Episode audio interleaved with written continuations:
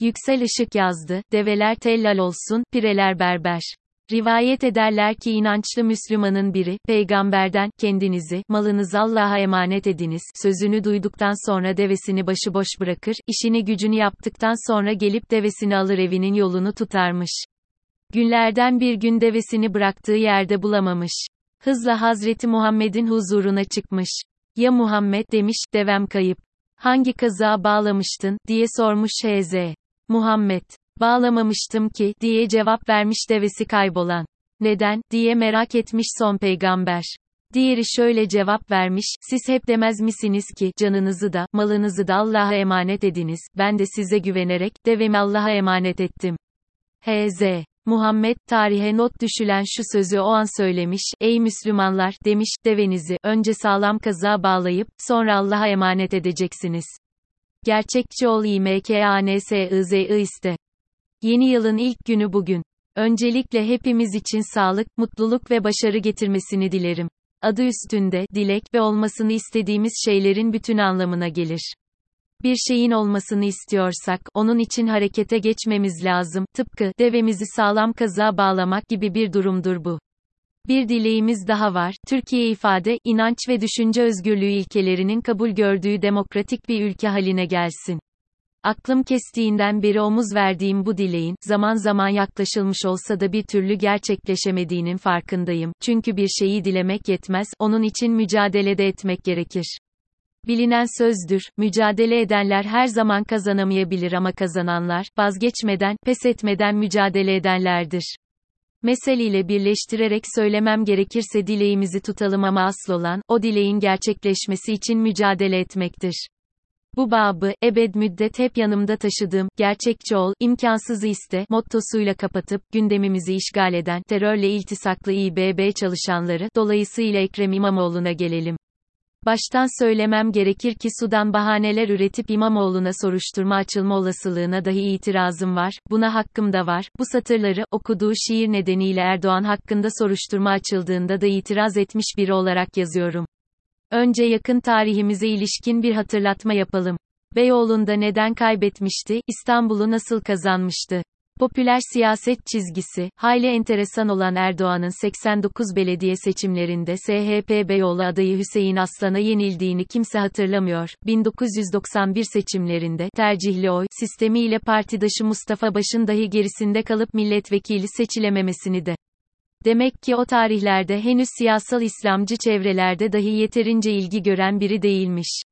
Onu, uzanların Star TV'sinin günlerce estirdiği, yalan rüzgarının etkisi altında kalan dönemin SHP yönetiminin, kimsesizin kimsesi, Nurettin Sözen Hoca'yı aday yapmama kararı aldığı 1994 seçimlerinden sonra hatırlıyoruz.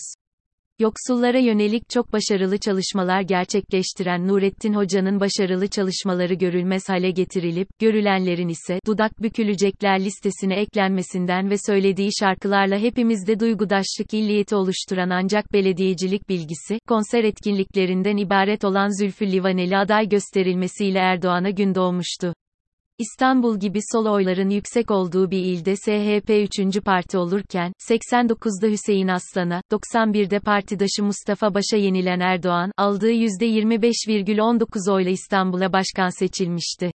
Mağdur olduğu ve ARSAYILANIN yeni bir mağdur yaratma ısrarı, bir İslamcının ekonominin kalbinin attığı İstanbul'a başkan seçilmesi, amiyane tabirle herkesi, dumura uğratmıştı bıraksalar, yaptığı belediye başkanlığıyla anılmanın ötesine geçme şansı olmayan birinden, önce bir mağdur, sonra da bir kahraman çıkartıldığını bizzat yaşadık.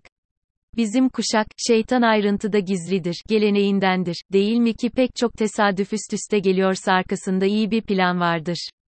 Beyoğlu'nda kazanamayan Erdoğan'ın sonrasında üst üste yüksek oylarla seçilir hale gelmesi bu, tesadüflerin, sonucudur. Her sürecin bir sonu vardır. Yaşanacak, sonun müsebbiplerinden biri İmamoğlu olabilir, İmamoğlu ekarte edilirse, biten deniz, yeniden çoğalmaz, bu bilinmelidir. Seçimi az bir oy farkıyla kazanmıştı İmamoğlu, bıraksalar, 5 yıl boyunca diken üstünde oturmuş gibi olacaktı. Bırakmadılar, o da 800 bin oy farkıyla ve yepyeni bir liderin doğuşuyla karşılık verdi. Nokta. Açıkça söylemek gerekir ki İmamoğlu, Mansur Yavaş ile birlikte bugün artık Türk siyasetinin vazgeçilmez simalarından biri haline gelmişse bu süreçte başta Cumhurbaşkanı Erdoğan ve İçişleri Bakanı Soylu olmak üzere herkesin, onun için çalışıyor, olmasının etkisi büyüktür. Demokrasinin kılıcı niye sallanıyor İmamoğlu'nun üzerinde? Biz biliyoruz ki, İBB'de, terörle iltisaklı, kişiler çalışıyor, cümlesi, bu meranga benziyor, dönüp dolaşıp atan kişiyi bulacağından eminiz. Hepsi o kadar. Kamu yönetimi, elindeki bilgiyi, demokrasinin kılıcı gibi başkasını suçlamak için kullanmaz. Ben, Erdoğan'ın Ankaralı şair Mehmet Cevat örneğin, İlahi Ordu, şiirinin, minareler süngü, kubbeler miğfer, camiler kışlamız müminler asker, dizelerini okuduğu için suçlanmış olmasını da anlaşılır bulmamıştım. Hak yemeyen, hakkını da yedirmeyen İmamoğlu'na gelince. Görülüyor ki iktidarda, ille de İmamoğlu'nu mağdur etmek isteyen bir zihniyet var gibi. Bize düşen haksızlığa karşı çıkmak, hakkını, hukukunu koruma titizliği gösteren İmamoğlu'nun yanında durmaktır. Bu duruşumuz nedeniyle bizim gibilere stratejik seçmen deniyor. Bu arada belirtmek isterim ki stratejik seçmen olmaktan bana gına geldi. Hepimiz, ittifakların kesişme noktası, na bakıyoruz ve gönlümüzden geçeni değil de, ülkenin menfaatleri, nedeniyle asgaride buluşmak için, bağrımıza taş basıyoruz. Neden? Çünkü esasen neredeyse 200 yıllık bir serüveni bulunan Türkiye demokrasisi hala ağır aksak işlediği için biz gönlümüzden geçeni rahatlıkla dile getiremiyoruz. Benim gönlümden de adı adaylar arasında da geçen daha gün görmüş ve de aksaçlı bir cumhurbaşkanı adayı var ama rahat bırakılmadığımız için nasıl bir cumhurbaşkanı profilini tercih edeceğimizi gönül rahatlığı ile ifade edemiyoruz. Diyeceğim şu ki gelmeyin bizi rahat bırakın. Rahat bırakın ki 2022'yi gönül rahatlığı ile yaşayalım ve tercihimizi ona göre yapalım. Kim bilir belki öyle bir Türkiye kurarız ki develer tellal olur, pireler berber.